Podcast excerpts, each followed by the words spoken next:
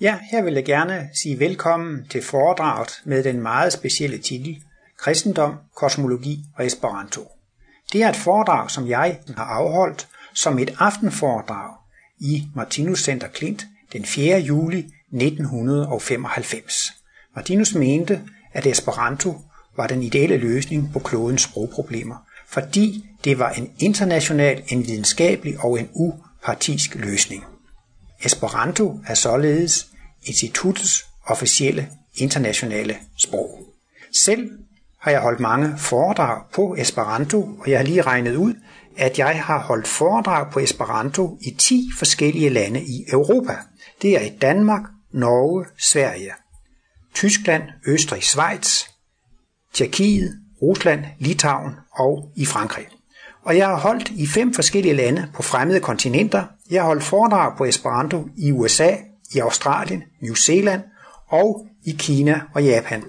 Selvom der måske ikke er så mange mennesker, der snakker Esperanto på kloden, har man på Martinus Institut haft stor gavn af Esperanto, og det har jeg også selv haft på mine internationale foredragsrejser. Instituttet har blandt andet fået oversat en hel del af Martinus bøger fra Esperanto til eksotiske sprog. Martinus er således oversat fra Esperanto til kinesisk, til japansk, til ungarsk, til rumænsk, til polsk og til tjekkisk. Så der har man haft stor gavn af Esperantoen, og jeg er selv en meget ivrig foredragsholder på Esperanto, og hvis man vil høre nogle af mine foredrag på Esperanto, så kan man blot gå ind på min hjemmeside www.oleterkelsen.dk Ole Terkelsen skal skrives i et ord. Her kan man ud over foredrag på dansk og Esperanto også høre foredrag på svensk og engelsk og tysk og fransk. God fornøjelse. Ja, jeg har valgt at tale om kristendom, kosmologi og Esperanto. Og det synes man jo, at det kunne være en ret mærkelig cocktail. Men øh, grunden til, at jeg er kommet på det, det er, at øh, jeg for nogle år siden begyndte at interessere mig meget for Esperanto. Og så slog det mig, at der var mange af forholdene inden for Esperanto-bevægelsen, der var ligesom forholdene inden for kosmologien.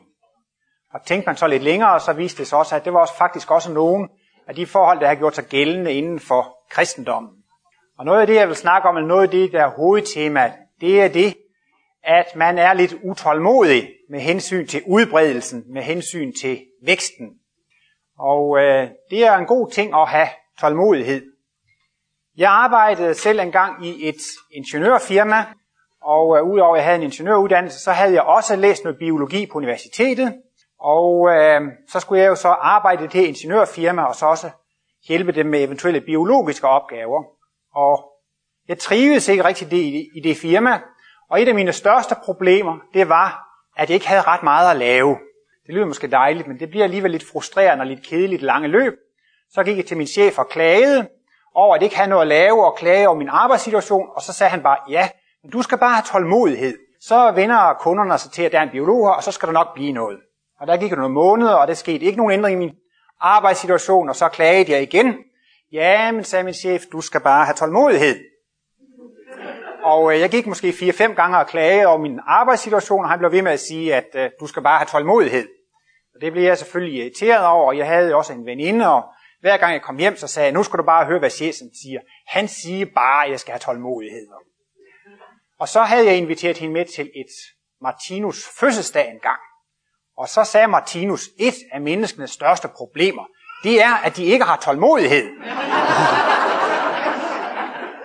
og så var der jo en, der prikkede mig lidt i siden der, og fordi ja, så hvis hun havde trunk på, når Martinus han sagde det, så var det noget andet, end når det var min chef, der sagde det. Og uh, det er altså et problem for mennesker at have tålmodighed. Vi vil jo gerne, at vores problemer skal løse sig meget hurtigt. Også når man støder på kosmologien, så må det kunne løse mine problemer. Og man håber på eller regner med, at problemerne er løst inden for en uge eller et par måneder. En ting, der også slog mig sådan med inspiration, det er, at jeg har en god ven, som øh, er med i Anonyme Alkoholikere. Og han fortæller om, hvordan han har en femårsplan og en 10-årsplan for ligesom at komme på ret køl. Og det, det slog mig altså også. Tænk en gang at have sådan en, en 10-årsplan, altså at man har så stor tålmodighed med sig selv og sine forandringer, at man ligesom lige så stille glæder sig over, at man over en periode på 10 år løser et problem. Det, det fascinerer mig meget, at der er nogen alligevel, der kan tænke sådan, og have så meget tålmodighed med sig selv. Men det må vi jo også have, hvis vi skal udvikle os og komme videre. Også under tiden have tålmodighed med os selv, og se, at nogle af de problemer, vi går i i dag, de kan måske først løses over en 5-10 års periode. Det tager måske for os 5-10 år at vende os til en tanke og blive ved med at se den, indtil dette problem kan, øh, kan løses. For noget af det, man også træffer inden for Esperanto-bevægelsen, det er, at man synes, det er sådan et glimrende sprog, men man bliver så frustreret over, hvorfor kommer det ikke ud, hvorfor går det ikke noget hurtigere? Og sådan er det også lidt inden for kosmologien. Jamen, hvorfor kan kosmologien ikke komme noget hurtigere ud, og, og man er så ivrig efter at fortælle andre og, og få det ud. Og der har man åbenbart heller ikke så meget tålmodighed. Og der skal man vel også se lidt på naturen, at alting det tager sin tid, når det skal vokse. Hvis man ser på et smukt øgetræ, der er 100 år, så er det alligevel fantastisk at forestille sig en gang, var der bare sådan en lille frø, som satte to små spæde kimblade. Og så i løbet af 100 år, så bliver det til en stor stamme. Men når sådan noget skal vokse, så har det en ganske bestemt væksthastighed. Vi ved jo godt, at det nytter ikke noget, at vi rykker radiserne i toppen. De kommer ikke til at vokse hurtigere af den grund. Det har altså sin ganske rolige vækst. Og Martinus har også været inde på, at ting, som skal være af varighed, de må vokse langsomt. Man kan forestille sig, at den her sag, også for den sags skyld Esperanto-bevægelsen, at det voksede meget hurtigt. Så kan man måske sammenligne det med en bønnespire, som vokser en meter om dagen. Men altså, hvis det så kommer noget blæst eller noget som helst, så styrter det jo meget nemt om. Og Martinus sammenlignede det netop med et egetræ. Det er jo noget af det stærkeste, og det er et træ, der har den største kvalitet. Men et egetræ, det kan også vokse i 100, 200, det kan vokse i 500 år. Det vokser altså langsomt. Men et egetræ, det kan også vokse i 100, 200, det kan vokse i 500 år. De vokser altså langsomt. Og Martinus mente også, at, at netop sådan en sag, som skal vokse frem, det er jo også en organisk vækst, og det har også et ganske naturligt organisk tempo, som man ikke kan ændre på. Og netop når, hvis det havde vokset for hurtigt inden for kosmologien, så var det planterne løbet for hurtigt i vejret, og så kunne de måske meget nemt falde om ved den første storm.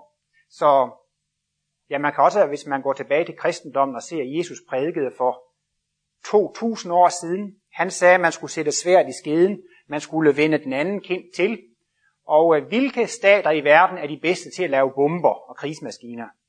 Jeg mener, det er de kristne stater. De kristne stater, det er dem, der har været bedst til at lave krigsvåben og bomber. Ja, men øh, så vil de altså sige, at så er man alligevel ikke blevet kristen, selvom det er gået 2000 år. Og det viser jo altså også, at det her med udvikling, det er ikke et viljespørgsmål, det er altså et udviklingsspørgsmål.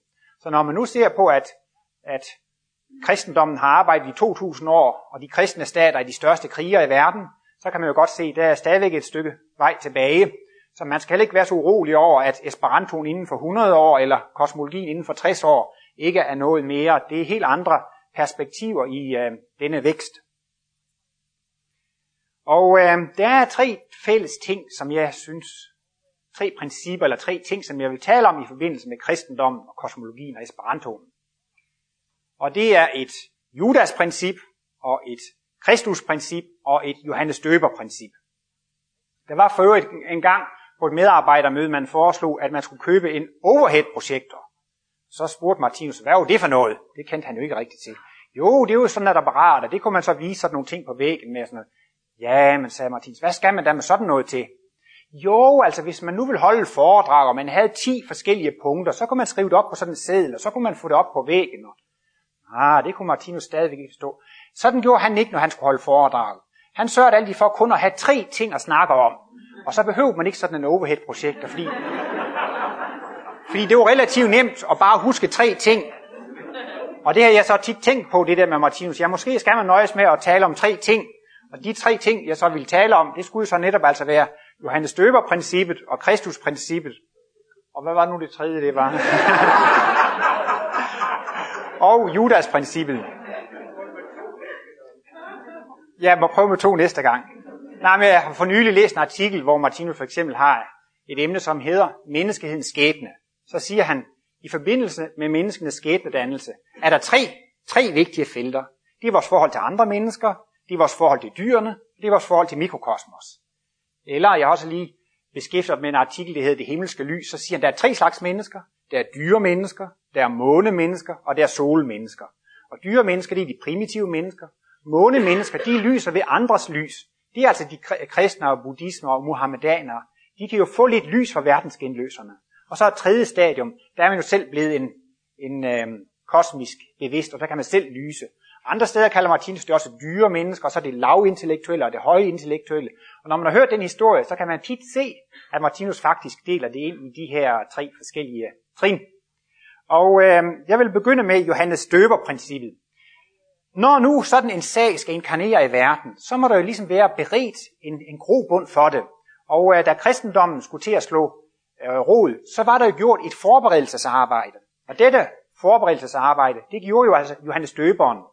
Igen det gamle testamente var der for øvrigt også mange profetier om, at der skulle komme en messias.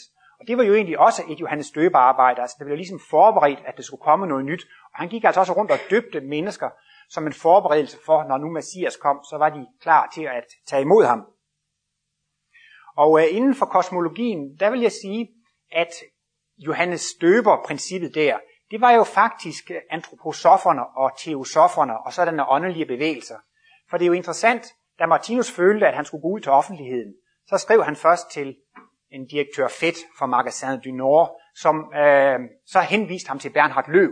Og Bernhard Løv, han var jo antroposof, og han havde jo sådan en antroposofisk kreds, og han tog jo så imod Martinus, og der var nogen af menneskene i Bernhard Løvs kreds, de var meget begejstrede for kosmologien og syntes, det var fornuftigt, og der var også andre, som var meget imod det. Martinus fortæller jo blandt andet om denne disciple der, som var meget utilfreds med, at det var Martinus, der skulle sidde og fortælle tingene. Så spurgte Bernhard Løv jo denne disciple der, jamen øh, kan du gøre det, Martinus gør? Nej, det kunne han jo ikke. Nå, jamen så er det jo Martinus, der skulle gøre det. Men øh, der var så også nogle antroposofer der, de, de holdt så til deres. Og øh, i starten faktisk, da der kom studiekredse rundt omkring i landet og foredragsgrupper, så startede de jo også mange steder hos mennesker, der i forvejen var åndeligt interesserede. Og på den måde startede de også hos mennesker, som var teosofisk og antroposofisk interesseret. Så jeg mener altså, at nogle af disse moderne åndsretninger, som kom lidt før kosmologien, det var faktisk også sådan en slags Johannes Døber arbejde, som ligesom faktisk forberedte grunden til det. Så alle de første foredragskriser eller studiekriser rundt omkring i landet, de sprang ud af, af, af, fra mennesker, der i forvejen var åndeligt interesserede. Og inden for Esperanto-bevægelsen, der var det altså sproget, verdenssproget Volapük, som øh, gjorde Johannes Døber arbejdet. Jeg kommer selv fra Jylland af, så der bliver jeg tit kaldt, kaldt for Wolle. Der siger man ikke Ole, der siger man Wolle. Og nogle gange bliver jeg også kaldt for Wollebyg. som sådan et kælenavn. Men øh, det var altså en øh, tysk pater, som hed Johann Martin Schleier, og han kunne cirka 40 sprog, så han var jo virkelig et stort øh, sproggeni.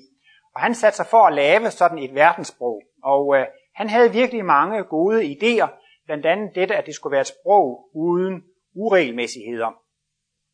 Men øh, han gjorde det, at han mishandlede mange ord, som øh, fandtes i forvejen. Han skulle for eksempel sige, hvad et dyr det hedder. Ja, på engelsk har man jo animal, men det er jo et meget langt ord. Det er meget nemmere at bare sige nim, nim. Det står jo også i animal. Så dyr på Bolepyg, det hedder bare nim. Og hvis man skal sige kompliment, det er også sådan et skrækkeligt langt ord. Det er meget nemmere at bare sige plim.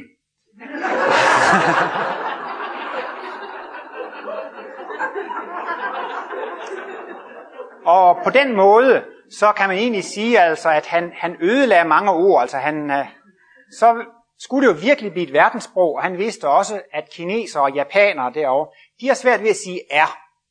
Derfor gjorde han konsekvent det, han tog R ud af alle ord. Og øh, blandt andet også ud af world, og derfor blev det bare til wool.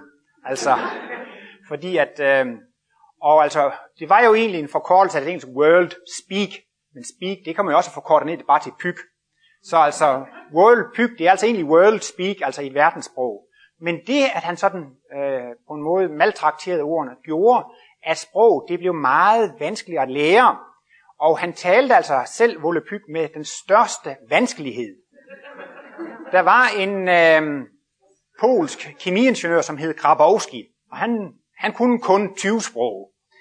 Men øh, han blev meget interesseret i det her Volapyk, Og han øh, besøgte så også lige frem Johan Martin Schleier. Og så altså til sin store overraskelse, så måtte øh, Grabowski, denne polak, konstatere, at skaberne af sprog, han kunne knap nok selv tale sproget. Og øh, han sendte også sproget ud, før det måske var 100% færdigt. Så han rettede hele tiden på sproget. Og øh, han ville have eneret på sit sprog. Han oprettede ganske vist også et Vollebyg Akademi, som kunne øh, diskutere sprog. Men han kom til at ligge i strid med sit eget akademi, fordi han hele tiden diktatorisk og ensidigt kunne ændre på sproget, og det gav altså meget store problemer. Men Volapyk fik altså et ganske stort opsving i 1870'erne, også i 1880'erne, og jeg tror, de sidste akademimøder og kongresser blev holdt altså først i, i 1900-tallet. Men øh, det viste sig, at tiden var moden for denne idé, at man skulle have et verdenssprog. Og det blev altså en vældig opblomstring. Og der blev lavet volapyk-klubber og foreninger rundt om i Europa og også i Asien, og der blev altså også lavet øh, tidsskrifter osv. Og øh, uafhængigt af volapyk, så havde en øh, polsk læge, Sammenhof, altså lavet Esperanto. Og øh, da de mennesker, som har syslet lidt med volapyk, kom til at stifte bekendtskab med Esperanto, så opdagede de, at det var meget, meget nemmere at lære Esperanto. Og det øh, var jo også interessant, man taler sådan i inden for Esperanto-historien om den allerførste samtale på Esperanto. Og det var altså denne Polak Grabowski. Han havde lært sig Esperanto selv, og en dag så kommer han og banker på døren hos Sammenhof. Og så træder han ind ad døren, og denne Grabowski, han taler altså flydende Esperanto, og det var jo en meget stor overraskelse for skaberne af sproget. Det var første gang, han oplevede, ja, det var verdenshistoriens første samtale på Esperanto, fordi at, uh, det var så nemt at lære, han selv havde lært det, og det gjorde også et stort indtryk på, på, på Sammenhof. Og øh, denne Sammenhof, han var et meget humant, kærligt, øh, højt udviklet menneske. Og øh, Martinus har jo også fået fortalt, hvordan Sammenhof var. Og noget af det, der står om Esperanto i strukturen, der siger Martinus jo også, at da han jo netop har hørt om, hvor human og, og hvor kærlig han er, denne Sammenhof, ja, man kan jo næsten se, at han er sat til at lave det. Sammenhof var kun, eller i en alder af fire år, så kunne Sammenhof fire sprog. Og øh, hans far var sproglærer, og hans bedstefar var sproglærer. Så det er næsten ligesom historien med Mozart, der inkarnerer i sådan en sprogfamilie. Nej, Mozart, det var musik.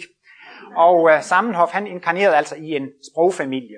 Og han blev altså født i Bialystok i Polen, og det var altså under russisk overherredømme. Og det var jo også der, altså så at sige Østpreussen. Så der var altså mange, der snakkede tysk, der var nogen, der snakkede polsk, der var nogen, der snakkede russisk, og så jøderne, de snakkede så det her jiddisch. Og derudover kunne han vist nok også litauisk. Og han så jo, at, at russerne, besættelsesmagten, de behandlede jo jøderne dårligt, og de behandlede polakkerne dårligt. Og han opdagede også tit, når han var med sin far på markedspladsen, at der var stridigheder, man kunne op og slås, men faren, han kunne tit redde trådene ud, fordi han kunne snakke mange forskellige sprog, og så kunne der ligesom komme et forlig, man kunne få, forstå hinanden.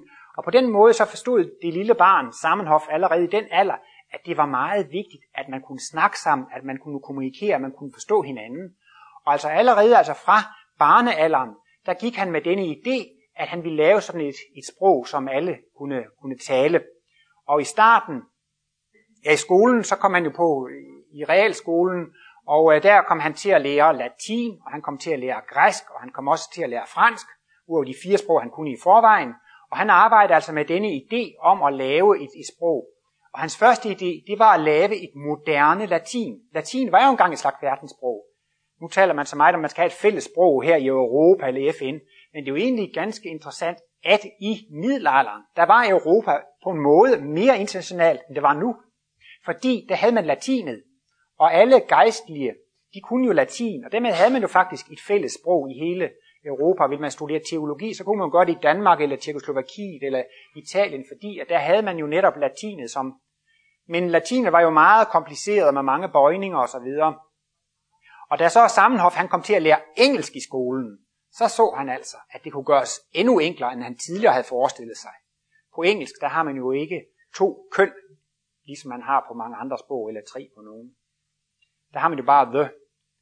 Der, der vil jeg også godt som jyde fremhæve, at altså, der er jysk altså også meget udviklet. For man må jo sådan set sige, at hvis man har mange bøjningsformer, og det er meget kompliceret, så er det jo egentlig primitivt, og hvis det er meget enkelt, så er det faktisk mere, mere genialt. Man kan jo sige et hus og en ko, det er to forskellige køn, men uh, visse steder i Jylland, så siger man bare et hus og et ku. Og der er man altså kommet frem til at simplificere sprog, så man kun har én artikel. Hvis nu man snakkede med en kineser eller en egypter, så vil kineseren sige, ja, vi har 4.000 skrifttegn, ja, vi har 10.000 skrifttegn. Og her kommer du med et sølle alfabet, som kun har 29 bogstaver. Det kan jo ikke hamle meget op med vores alfabet, hvor vi har 4.000 forskellige tegn. Vi kan jo udtrykke meget mere med 4.000 forskellige tegn, end man kan med 29 bogstaver. Men øh, jeg mener, det hænger sådan sammen, at når man begynder med hieroglyfer og tegne tegn, så laver man et tegn for enhver situation. Og så kan man så altså sige, jeg spiser, det er en ting, og du spiser, det er noget helt andet, og han, hun og den, det spiser, det er en helt tredje ting. Og derfor måtte man jo så have et tegn eller en bøjningsform for hver måde. Altså, I kender jo for eksempel på tysk, så siger man ich bin, du bist, er sie, es ist, wir sind, og så videre. På fransk siger man je suis, tu es, il est, nous sommes, vous êtes, ils sont. Det vil altså sige, at man har seks forskellige former, men egentlig er det jo i princippet det samme, man laver, når man spiser. Og det er jo netop det, jeg synes, det har noget med intuition og det klare lys at gøre. Med intuitionen, så kan man skære igennem og se principperne. Jamen, det er jo det samme, og så kan man forenkle tingene. Og så kan man lige så godt sige, jeg er, du er, han er, vi er, I er, de er. Jeg spiser, du spiser, han spiser, vi spiser, I spiser, de spiser. Det er mere udviklet, mener jeg.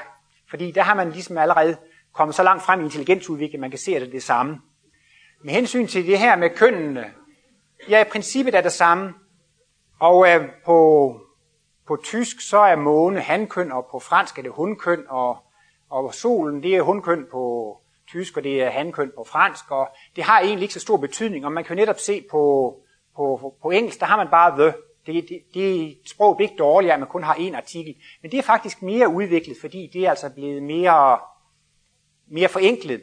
Og det er netop det, at vores sprog, det er ikke fattigt, bare fordi man kun har 29 bogstaver i alfabetet. Netop ved, at man kan få lov til at kombinere dem på alle mulige måder, så bliver det faktisk meget mere rigt. Så denne forenkling har egentlig gjort, at sproget er blevet meget rigere. Og mange tror netop, at Esperanto det er et meget primitivt sprog, fordi at det er blevet øh, reduceret så meget. Men det er i virkeligheden meget mere øh, udtryksfuldt end alle andre sprog, netop fordi, at det er så fuldstændig logisk og matematisk. I morgen skal vi høre et foredrag om talsystemet. Og øh, der skriver Martinus i slutningen af tredje bind af livets bog, at talsystemet det er blevet fuldkomment. Det har altså nået en fuldkommenhed, og han laver mange analyser over. Og der er det også interessant at se, at i talsystemet, der har man i virkeligheden kun 10 bogstaver i dette alfabet. Og principielt kan man udtrykke alt ved tal. Hvis der er en operasanger, der står og synger det, det, den smukkeste sang, det kan i princippet udtrykkes med tal. Fordi hvis nu man optager det på sådan en digital båndoptager, så er det jo altså 0-1-0-1-0-1. Og det vil altså faktisk sige, at selv den operasang, som man kan lægge den største følelse og de stærkeste menneskelige følelser i, det kan også udtrykkes ved tal. Der er nemlig tal nok at tage af, fordi at man kan få lov til at kombinere dem og fortsætte med det. Så vores talsystem, det er heller ikke spor primitivt, blot fordi der kun er 10 elementer, fordi man kan kombinere disse elementer og sætte dem efter hinanden i al uendelighed. Og sådan er det netop i Esperanto, at der har man også mange elementer, som man så kan kombinere, og det gør, det er en utrolig rigdom. Martinus har jeg været inde på, at det vil ikke være et nationalsprog, der bliver verdenssprog. Og der er to kraftige årsager eller grunde til, at det ikke vil blive et nationalsprog, der bliver verdenssprog. For det første, så ville det ikke være upartisk. Det vil i allerhøjeste grad være partisk at vælge et nationalsprog. Det vil ikke være retfærdigt. Og man kan jo se, hvis, hvis nu det skulle være engelsk, så er det ikke blot det, at man får den engelske, det engelske sprog, man får også den engelsksprogede kultur. Alle de amerikanske og engelske fjernsynsserier og det hele, det følger med. Så det er jo også uretfærdigt over for de andre lande, at de skal belemres med et lands. Og i øvrigt kan man også sige, indtil dato, de sprog, som er blevet udbredt i verden, de er blevet udbredt ved krig. Hvorfor blev det latin? Det er jo fordi Romeriet var en meget stor militærmagt, og derved blev latin udbredt. Hvorfor er engelsk blevet verdenssprog? Jamen England var jo engang verdens største kolonimagt. Og det er jo også igen, at det var verdens største militærmagt, og derfor er det også bredt ud på den måde. Og det har man også lidt svært ved at føle, at grundlaget for, at et sprog skal blive verdenssprog, det er, at man har brugt militærmagt til at påtvinge andre folk øh, dette sprog. Og så siger Martinus altså, at talsystemet har udviklet sig, og det har nået en fuldkommenhed, og det er altså så fascinerende, synes jeg, at læse de sidste 30-40 sider i tredje bind af livets bog om, hvor genialt talsystemet er. Og så siger Martinus, så langt er sproget ikke kommet endnu. Men hvorfor skulle... Vi har jo også haft romertal, og vi har talt på fingrene, og vi har brugt tommer og alen og fod, og vi har haft det meget primitivt. Men det her med tallene, det kan ikke gøres mere fuldkommen, end det er nu. Men uh, sproget, det er ikke blevet fuldkommen endnu. Og uh, netop sådan noget som Esperanto, det er et sprog, som er fuldstændig uden uregelmæssigheder. Og derfor er det altså mere fuldkommet. Nogen, som ikke kender så meget til det, vil måske sige, Esperanto, det er primitivt, fordi det er konstrueret, og det har sådan og sådan. Men i virkeligheden er der tale om en fuldkommenhed. Og øh, en af de ting, som øh, inspirerede Sammenhof meget, det var, at han stod og kiggede på nogle gadeskilte der i Bialystok. Nu kan jeg ikke huske det, men det ene, det hed måske Konditorskaja, og så var der noget andet, noget skaja. Og så opdagede han, at det var en forretning begge steder. Ligesom hvis vi nu så, ja, der står jo renseri, og der står bageri, og der står hønseri. Ja, men så kan vi se, at det der, det ender på rig, det må jo være en eller anden, et eller andet sted, der udtrykker noget. På en måde, så skulle man jo også, hvis man så var matematisk konsekvent, så skulle man jo også kalde en skole for et læreri, og en badeanstalt for et baderi. Men øh, nogle gange så bruger man det rig, men andre gange så gør man det ikke. Og der er så altså i Esperanto, der gør man det altså fuldstændig øh, konsekvent. Der bruger man så altså ordet ejo, hvor vi bruger rig, eller på, på russisk, der hvor man brugte øh, skaja. Lærni, det er lærer. Larneo, det bliver så, det bliver så en skole. Og baki, det er bage, og så bliver et bageri jo bakheo. Men så er det altså, dette princip er 100% gennemført i Esperanto, så det er helt matematisk logisk, at skal man betegne et sted, så hedder det EU. Og øh, hvis man ser et ord, der ender på EU, så ved man i det mindste, at det er et eller andet sted. Hvis jeg sidder og læser en bog på fransk eller engelsk, og der er et ord, har aldrig set ordet før. Jeg kan ikke engang se, om det er et tillægsord, eller et navnord, eller et verbum. Man har ligesom ingen chance for at gætte, hvad det er. Men på Esperanto, selvom man aldrig har set noget om det før, hvis det så ender på EU, så ved man de mindste, at det her det er ikke noget verbum, eller det er ikke noget biord, det udtrykker altså et eller andet sted, hvor man, hvor man laver noget. Og øhm, jeg tror også gerne, jeg sådan lige vil give et ganske kort kursus i Esperanto. Jo, altså, jeg har været ved at kigge lidt på tysk grammatik, og der har man otte forskellige bøjninger på, hvordan navnord kan bøjes. Det afhænger lidt af, om det er hundkøn eller hankøn eller neutrum. Ein Haus, zwei Häuser, ein Töchter, zwei Töchter, Töchter, Tochter og Töchter. Og der er også noget NS-bøjning, og der er altså otte forskellige måder at bøje dem på. Engelsk, der hedder det jo one woman, two women. Men det staves jo V-O-M-A-N og V-O-M-E-N. Men at V-O M-E-N, det hedder women. Det er jo ikke til at forstå, det skal hedde women eller women. Men altså, det må man bare lære, sådan er det. At det, det, det er uregelmæssigt, hvordan man bøjer i flertal. Og på dansk er det jo også øh, mange forskellige, øh, mange forskellige øh, endelser på, på flertal. Nogle gange skal man bare sætte et E på, og nogle gange skal man sætte ER på, og nogle gange skal man ikke sætte noget på, og nogle gange skal man doble en konsonant, en pram, to pramme osv. På Esperanto, der er det så enkelt, at alle navneord, de ender på O. Og hvis man vil gøre det til flertal, så ender det på J. Og øh, på Esperanto, så må man altså øh, have fri ordfølge. Og derfor må man nogle gange finde ud af, hvem det er genstanden, der går ud over. Hvis nu man siger, ja, man kan også sige det på dansk, drengen spiser grisen. Grisen spiser drengen. Hvad mener man egentlig, hvis man siger, eller hvad spiser drengen? Grisen spiser drengen. Hvem er det så, der spiser hvem? Det kan man komme lidt i tvivl om. Og derfor har man altså så på Esperanto bestemt sig for, for at man ikke skal være i tvivl om det, så sætter man altså endelsen ind på den, det går ud over. Sådan, at man har genstandsled. Og så er det ikke mere at lære om navneord på Esperanto. Det, det afsnit om navneord, det er altså slut. Der er ikke mere at lære. Navnord ender på O i flertal J, og ender n på den, det går ud over. Der er ikke mere. Og det tager kun et par linjer i sådan en grammatik. Jeg kan for også sige, at jeg har en bog, som hedder Hjælp mig med der, de, das.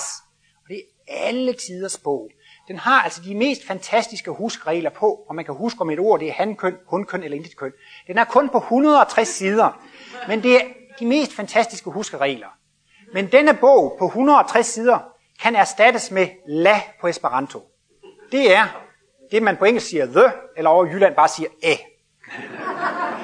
At øh, der er ikke mere at lære om artiklerne, end bare at sige la. Og jeg synes også, det er så fascinerende, at bare ved at sige la, så kan jeg smide den her bog på 160 sider ud af, af vinduet.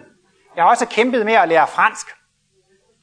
Og der kan man jo altså bøje et verbum i tre forskellige personer ental og tre forskellige øh, personer flertal. Og så har man jo altså også det, nu det her nutid og datid og fremtid. Og for at det ikke skal være på løgn, så har man altså tre forskellige slags datid på fransk. Og øh, ja, i virkeligheden har man så fem forskellige slags datid, for to af dem, de kan også gøres mere eller mindre hypotetiske.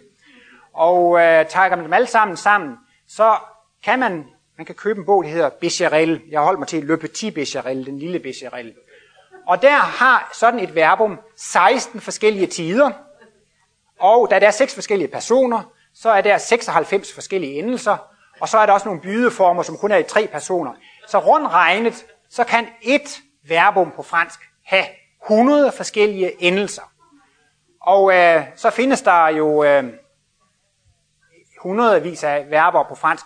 Jeg tror, nogen har talt op, altså hvis man virkelig siger, altså je suis, tu es, det regner vi for eksempel for tre forskellige verbeendelser. Hvis man regner på den måde, så må man nok regne med, at der er 2.000 eller 4.000 forskellige verbeendelser på fransk. Og øh, det kan man altså skrive store, tykke bøger om, hvordan verberne bøjes på, på fransk. På Esperanto siger man, alle ord i nutid ender på AS. Nu ved I alt, hvad der er at vide om verber i nutid på Esperanto. Der er ikke mere at lære. I er trængt til bunds med nutid på Esperanto. Det ender på is, IS hvis det er datid, og OS hvis det er fremtid. Og der kommer også nogle korte og nogle lange tillægsformer. Det, jeg ved ikke, man havner måske på en 16-17 endelser, ikke? Og så er det ikke mere at lære om verberne. Altså bare markere de der, det kan stå på bagsiden af et frimærke. Så er det ikke mere at lære om verberne på Esperanto. Og dem kan man bytte ud med den her becherel på fransk, som har de her tusindvis af, af, af verbeendelser. Alle tillægsord, de ender på A. De ender på J i flertal, og øh, de ender på N, hvis det er altså den genstand, det går ud over. Den tykke dreng spiser den tynde gris, så må man jo også vide, hvad det er tyk og tynd, og så kan man også mærke det med et N, det det går, det, det går ud over. Og så kan man sige, der er ikke mere at lære om tillægsordene. Men altså på engelsk, så skal man sige little, small, small, eller stor, øh, større, største, lille, mindre, mindste. Der er i virkeligheden, og på fransk er det også en elendighed, om det her tillægsord, det er hankøn eller det er hundkøn, og det er en masse forskellige bøjningsformer. Men på Esperanto, alle tillægsord ender på A, flertal J, i genstandsfald, i akkusativ, så ender det på N. Der er ikke mere at lære, så er vi færdige med alle tillægsord. Og øhm, sådan er, og det er ikke fordi sprog det bliver dårligere af, man kan også forestille sig at sige, over i Irland, der tæller de sådan her. De tæller 1, 3, 5, 9, 11, 17. Så siger man, hvorfor søren tæller de dog sådan over i Irland? Og man får bare svar, det gør man bare. For man kan også spørge, hvorfor, hvorfor siger man så, øh, jeg får, jeg fik, jeg har fået. Så kan man også lige så godt sige, jeg når, jeg nik, jeg har nået. Altså hvis jeg får, jeg fik, så kan man også lige så godt sige, jeg når, jeg nik. Eller, hvor, eller er det sådan, at verber, som er uregelmæssigt bøjet, har et større budskab end verber, der er bøjet regelmæssigt?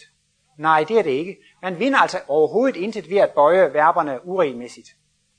Og øhm, jeg kan også godt lære jer lidt gloser, fordi det er sådan ret simpelt. Hund, det hedder hundo. Kat, det hedder kato. Mus hedder muso. Mur hedder muro. Flagstang hedder flagstango.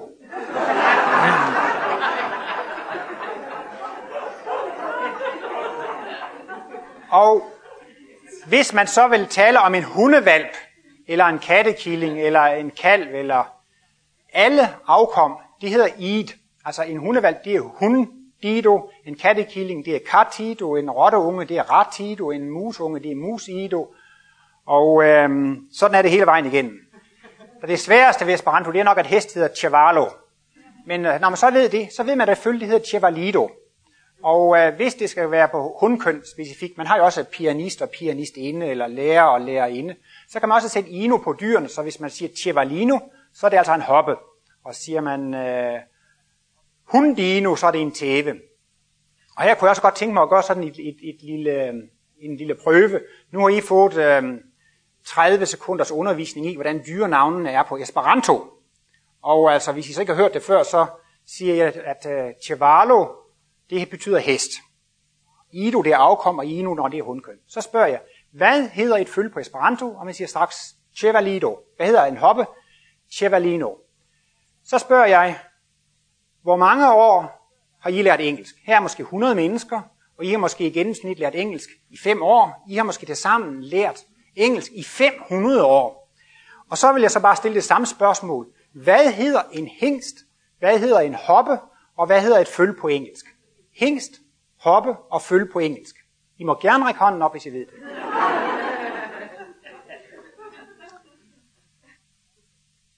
Jeg tror, ja, det må, jeg tror nok, at hoppen hedder mere. Ja. Ja, og der kan man så også sige på Esperanto, hvis man gerne vil betone, at det er meget viril, eh, maskulint, meget virilt, så sætter man vir foran. Så hvis man altså ville påpege, at det for eksempel var et, et hængsteføl, så kan man også sige vir, chevalido. Men der kan man så alligevel se, at når man nu har lært engelsk i 500 år, at så er det alligevel utrolig kompliceret at komme på, hvad sådan nogle enkelte ting de hedder. Og sagen bliver ikke mindre kompliceret på fransk og tysk, altså hvad, hvad, hvad disse ting hedder. Og det viser jo altså, hvor, hvor enkelt det er at lære øh, Esperanto. Og det er altså ikke noget primitivt. Øh, det er altså snarere noget, jeg mener netop, at det har faktisk noget med intuition at gøre, for det, at Martinus kan gøre tingene enkelt i kosmologien, det er fordi, han har haft en evne til at gennemskue principperne, og har en engang set princippet, så er det så utrolig enkelt. Og sådan er det jo netop med, altså hvis det er et afkom af noget, så har man jo også gennemskuet princippet. Det er jo et afkom af noget, og dette princip, man har gennemskuet, det giver man så en endelse, ido. Eller hvis det er et eller andet sted, så giver man det simpelthen også bare øh, den endelse, fordi at hvis det er sådan et arbejdssted, man arbejder. Så på den måde vil jeg sige, at øh, Esperanto er i virkeligheden meget øh, fuldkommen. Og øh, det er altså de to ting, der gør, at det ikke kan være et nationalsprog. Der er ingen nationalsprog, der er fuldkommende. Alle nationalsprog er spækket med uregelmæssigheder, som ikke tjener noget nyttigt formål. Og det, de vil altså næsten svare til, ligesom jeg sagde før, i Irland tæller man 1, 3, 5, 7, 18, og nede i Tyskland tæller man 1, 3, 5, 8, 9, 10, 11. Hvorfor tæller de sådan der og der?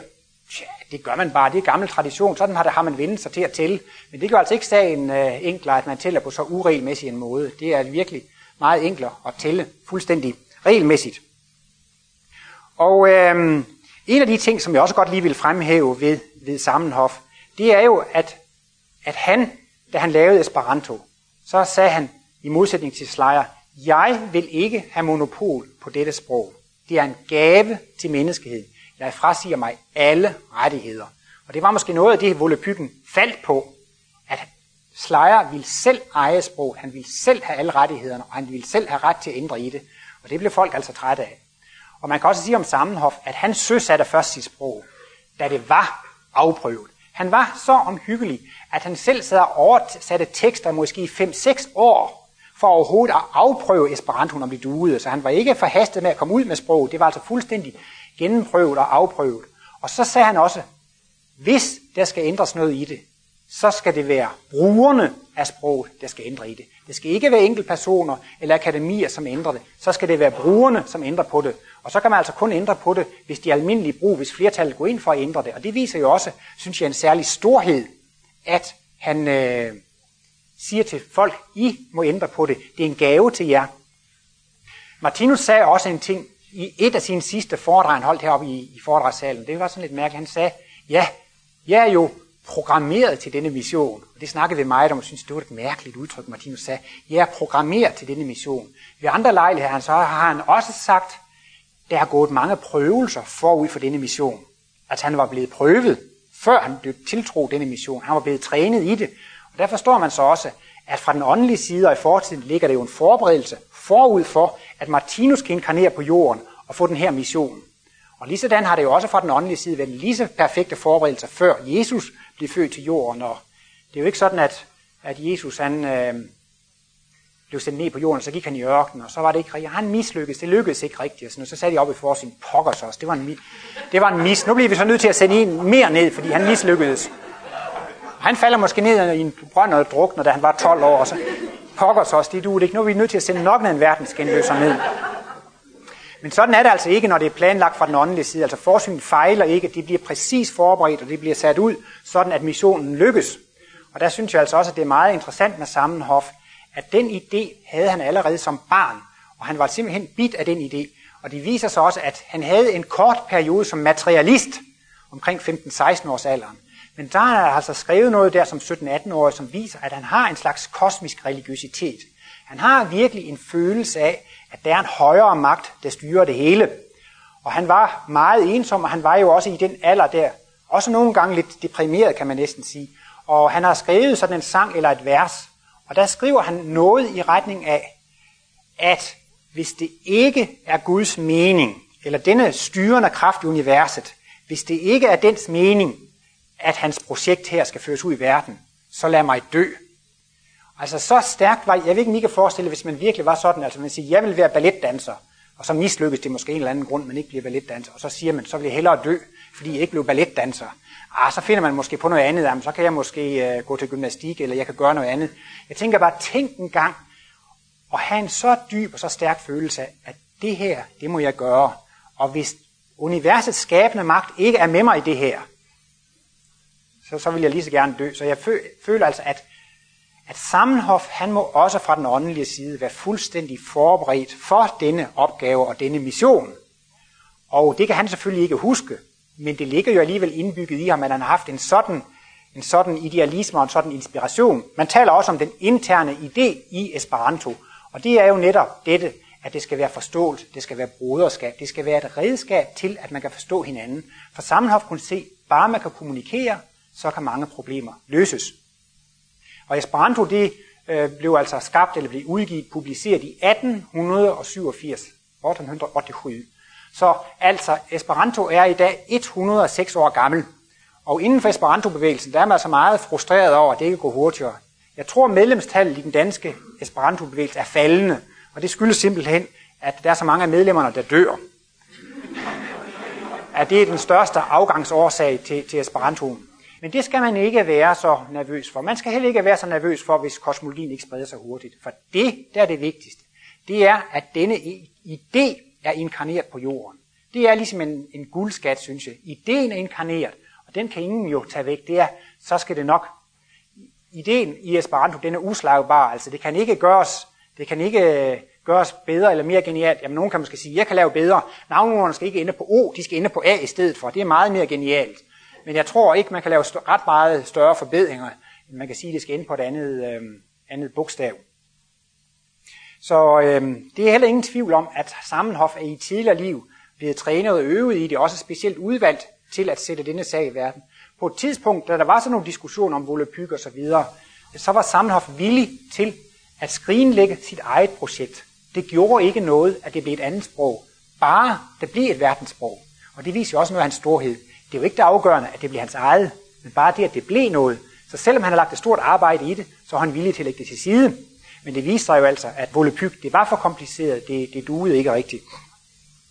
Men jeg skal alligevel forsvare Volapyk og sige, at ideen var jo øh, også genial. Det var, der var ingen uregelmæssigheder, og øh, det var jo netop tiltænkt, at det skulle være sådan et universelt sprog. Men øh, det, øh, det var jo altså dette, det er også taktikken, hvis man har tre ting at snakke om, hvis man så går i stå, ikke sandt? så gælder det så hurtigt om at gå videre til emne nummer to. Og når man så ikke har mere at snakke om det at gå i stå, så går man over til emne nummer tre. Og når man så går i stå der, så siger man så tak for i aften. Ej, det var ikke så nemt da Martinus sagde også altid, det sværeste ved at, at, at, at, at afslutte foredrag, det var nærmest ligesom når man er ude og flyve med flyvemaskiner og skal hoppe ud med faldskærm.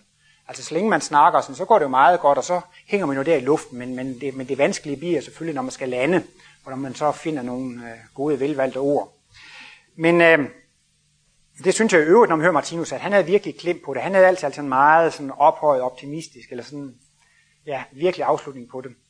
Så nu står jeg allerede og gruer lidt for, hvordan jeg skal slutte, men, men øh, det var nu altså det her med et, en længere omgang om øh, blandt andet altså Johannes Døber-princippet, at det er interessant, at før Esperanto kom, så var jorden beredt, jorden var gødet, den her idé var kommet ind, og jo, der var Johannes Døber, og der var også de moderne åndelige retninger, antroposofi og teosofi.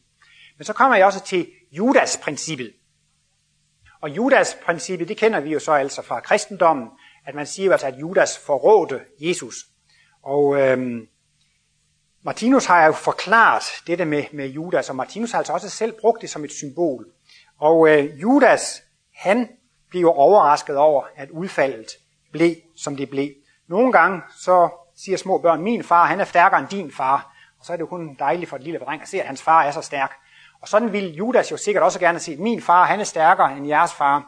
For det skete ikke Judas noget ved at sige til romerne, fordi Jesus kunne jo lave mirakler. Så hvis de endelig satte ham fast og måske ville korsfeste ham, så ville Jesus jo lave et mirakel, som viste, at han var konge på jorden. Og ved så, at Judas havde trukket Jesus frem, så kan han sole sig i lyset fra mesteren, og så kan han jo ligesom vise, at min far var den stærkeste altså. Og Martinus bruger også nogle gange det udtryk, at man har altså lidt for travlt. Man vil gå foran, foran forsyn. Altså det er et Judas princip, hvor man altså ligesom selv vil sætte lidt mere fart på tingene. Og øhm, Martinus har i 1942 skrevet en artikelserie. Det var nok dengang andet bind af livets bog kom ud. Der skrev han noget omkring hans kosmiske analyser, og han skrev noget om kritikere af livets bog. Og det blev genoptrykt i 1982, og det var en lang sag, den strakte sig fra nummer 1 til nummer 6 i 1982. Hvor han skriver altså om kritikere af livets bog, og der er A-kritikere, der er B-kritikere, der er C-kritikere, D og E-kritikere. Og af disse kritikere af livets bog, så er A- og B-kritikere interesseret i kosmologien. Og A-kritikerne, af disse kritiker, det er næsten også ligesom at inddele jordmenneskelighedens modtagelighed for den nye verdensimpuls. Der har vi også en ligevægtskategori, en intelligenskategori og en følelseskategori, og de er underinddelte. Og A-kritikerne, de er sammenlignet med ligevægtskategorien. Det er mennesker, som har forstået kosmologien, både teoretisk og i hjertet. De kan altså se, at alt er såret og godt. De bliver ikke sur og vred og irriteret på andre mennesker, fordi de kan se, at det er Guds vilje. De har ikke travlt med at få nogle projekter sat igennem. De har ikke en iver efter at være proselytter og få medlemmer og få sagen udbasoneret. De har tid til at vente, til Guds time er inde. Guds mølle maler langsomt, og de har tålmodighed. De har ikke spor travlt. B-kritikerne har måske forstået det knap så godt. Og de har en voldsom iver efter at værve proselytter. Og det, det kan man altså så også have den tendens inden for Esperanto-bevægelsen, inden for kosmologibevægelsen, at man er så ivrig efter, at andre skal synes det samme som mig. Og man er så ivrig efter at få tilhængere, og man går og prædiker og vil overbevise alle andre. Og det er ikke små ting, som jeg har plaget mine bekendte med kosmologien. Og jeg vil sige, at jeg har aldrig oplevet, ikke en eneste gang har jeg oplevet, at en af mine venner er blevet interesseret i kosmologi. Så nu er jeg altså ved at holde lidt igen med at, at, at, at prædike kosmologi for dem. Og det er jo altså fordi, at der er man faktisk lidt B-kritiker på det område der. Man har ligesom for travlt med at komme ud med tingene. Og det er jo faktisk altså også, kan man sige, lidt af Judas princippet. Man har lidt for travlt. Og det der Judas princip, det er altså det, man vil gå foran forsyn. Man vil have, at udviklingen skal gå hurtigere, end den går. Men har man så den indstilling, så kommer tærskelens vogter, og så bliver man altså bremset, bremset op. Og det kan jo også være meget fristende inden for kosmologien. Jamen, så må vi skrive derhen, og så må vi gøre det der, og man må gøre en hel masse ting. Men der kan man altså løbe ind i besværligheder, hvis man vil altså have det til at gå hurtigere, end det i virkeligheden øh, kan gå. Og i forbindelse med B-kritiker, der er Martinus også inde på, at øh, de kan måske også være øh, utilfredse med, med forholdene. Men i første omgang, så går det jo ikke ud over kosmologien. Så bliver de så snarere øh, vrede eller sure på sådan nogen inden for sagen, som står dem i vejen. Og så kan de jo netop sige, at øh, ja, det er jo altså vedkommende skyld, at jeg ikke kan få lov til at holde foredrag eller sådan noget. Men der betoner Martinus altså, at der er ingen mennesker, som altså kan bremse sig andre. Hvis forsynet har tiltænkt en menneske en mission, og det kan være inden for Esperanto-bevægelsen, kristendom, og det kan være inden for kosmologien. Hvis forsynet har tiltænkt et menneske en rolle eller en mission, så er det ikke en magt på jorden, som kan hindre dette menneske i at udføre denne mission. Og det er der netop tit så, når man bliver sur over, at det ikke går hurtigt nok, og det ikke går, som jeg vil, og, og så videre. At der har man jo faktisk ikke forstået, hvornår Guds time er inde. Der har man faktisk noget noget af Judas princip i sig, altså man vil have, at det skal gå hurtigt, og hvis så nogen står i vejen for det, så føler man altså, at det er deres skyld, og det er deres fejl, at det ikke kommer hurtigere ud. Og Judas princippet i Esperanto-bevægelsen, det ytrer sig ved, at der kom en øh, slags oprørstendens inden for Esperanto-bevægelsen. Der blev lavet et sprog, som hed Ido, og Id, det er jo lige præcis et afkom, så det bliver altså et afkom af Esperanto-bevægelsen. Og det var en øh, franskmand, som hed Beaufront, som var meget interesseret i Esperanto, og han var en af pionererne i Esperanto-bevægelsen. Og det står for øvrigt også i Esperanto-historien, at en gang så gik Beaufront frem og kyssede ved en kongres, kyssede øh, Sammenhof på kinden, og Sammenhof følte sig næsten lidt pinligt berørt ved det, og syntes, det var ubehageligt. Og i historiebøgerne, i Esperanto-historiebøgerne, står der også, at Sammenhof havde omtalt dette kys som et Judas-kys. Og det viste sig også, da der så skulle holdes en stor kongres, så skulle man, have man bestemt sig for, at nu skulle man vælge et verdenssprog, om det nu skulle være Volapyk eller Esperanto, men vi lave en stor kongres. Der var for øvrigt også en dansk øh, sprogforsker, som hed Jespersen, som også ville forandre på Esperanto eller forbedre det. Hans sprog, det hed Novial. Men øh, de, der ville drille øh, Jespersen lidt, for de synes jo, at det lignede Esperanto temmelig meget, de kaldte det for Jesperanto. Men øh, jeg ved ikke, om Jesperanto også var med i opløbskampen. Men da denne store kongres skulle holdes, og man skulle vælge, hvilket sprog det skulle være verdenssprog, så trådte esperantisten, altså Buffon, frem og sagde, han havde et nyt sprog. Det var Ido, og Ido skulle vælges til verdenssprog. Og det kan man jo sige, det var jo så virkelig et bedrageri eller et forråde Esperanto-bevægelsen. Og øh, Ido-bevægelsens, et af deres mærkevarer, han har sagt, det var jo, at den her akkusativ, eller det her genstands form, den skulle afskaffes, og de ville forsimple, og de ville lave om på det. Og det satte altså dybe spor i Esperanto-bevægelsen, og det skabte jo store problemer, at der var nogen, der ville til at lave om på, der helt ændre reglerne, og hvilken fløj var man nu på, osv. Men Sammenhof tog det relativt roligt, selvom det selvfølgelig alligevel var måske et af de store ja, skæbneslag i hans liv, så var han alligevel overbevist om, at det var et dødfødt barn, altså at det ikke ville gå igennem. Og så kan man måske også sige, at efter at man har oplevet det inden for Esperanto-bevægelsen, at der kom sådan et, et bedrageri, altså sådan et Judas-princip der, at så var det måske også en vaccination for, at så vil man ikke gøre den samme fejl en gang i fremtiden.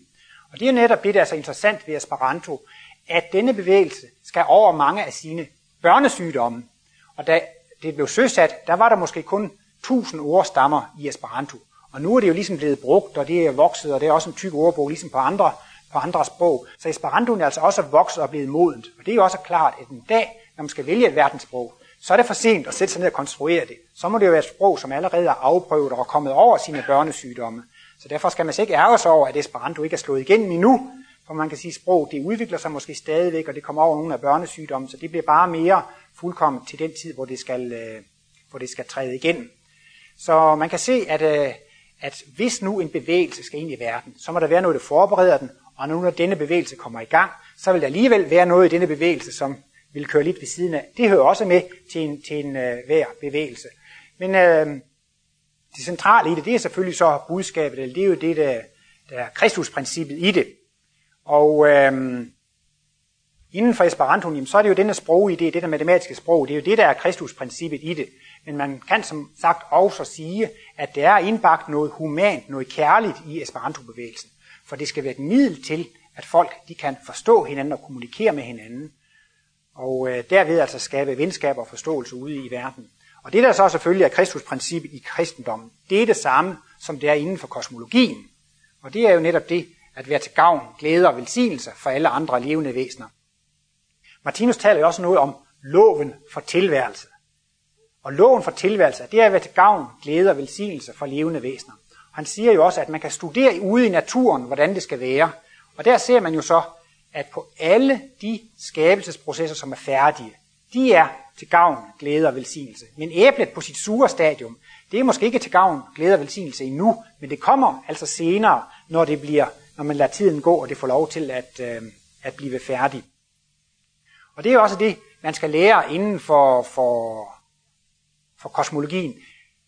Jeg ved ikke, nu har jeg også lige selv for en uge tid siden læst strukturen, og det er måske også andre, der har, har læst strukturen. Og det er jo netop også det, at øh, når man arbejder med kosmologien eller med kristendom, så er man jo også med til at skabe en ny verdenskultur.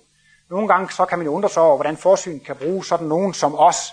For Martinus sagde jo nogle gange ved sin foredrag her, ja, vi er den nye verdenskultur. Og så tænkte man jo, når man nu her til morgen havde skilt naboen ud og sparket børn over skinnebenet, at man synes, at det kunne alligevel være lidt mærkeligt, at det her det skulle forestille at være den, den nye verdenskultur.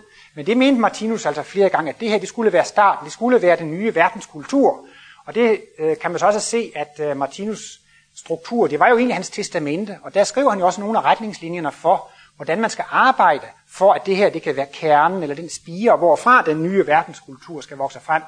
Og der er måske også nogen i strukturen, som er blevet noget forbavset over det her med, at hvis man er misfornøjet, så kan man bare gå, og det står flere forskellige lejligheder, man kan gå. Men det er altså det, der ligger i Kristusprincippet, eller i loven for tilværelse, det der med at være til gavn, glæde og velsignelse.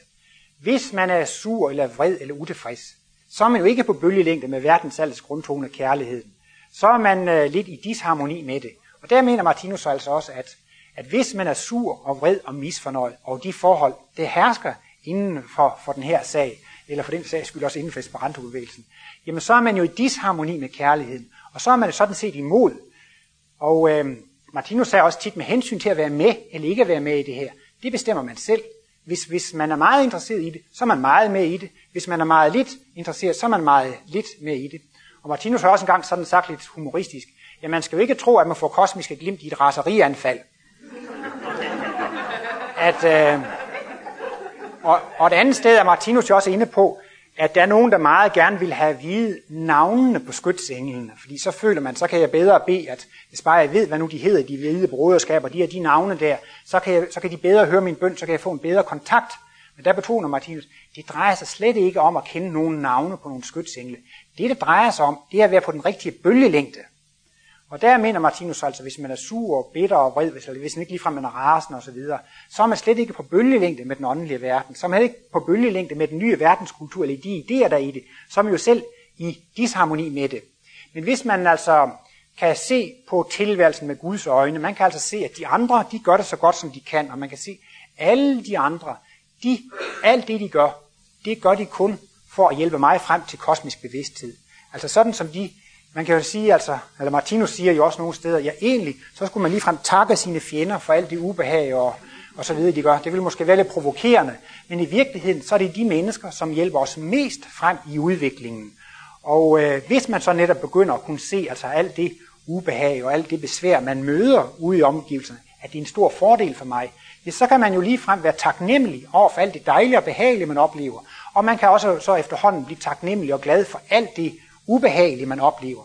Og når man så ligesom ser, at alt er så godt, alt er på den allerbedste måde, ja, så er man på en anden bølgelængde. Og så er man på den samme bølgelængde som den åndelige verden.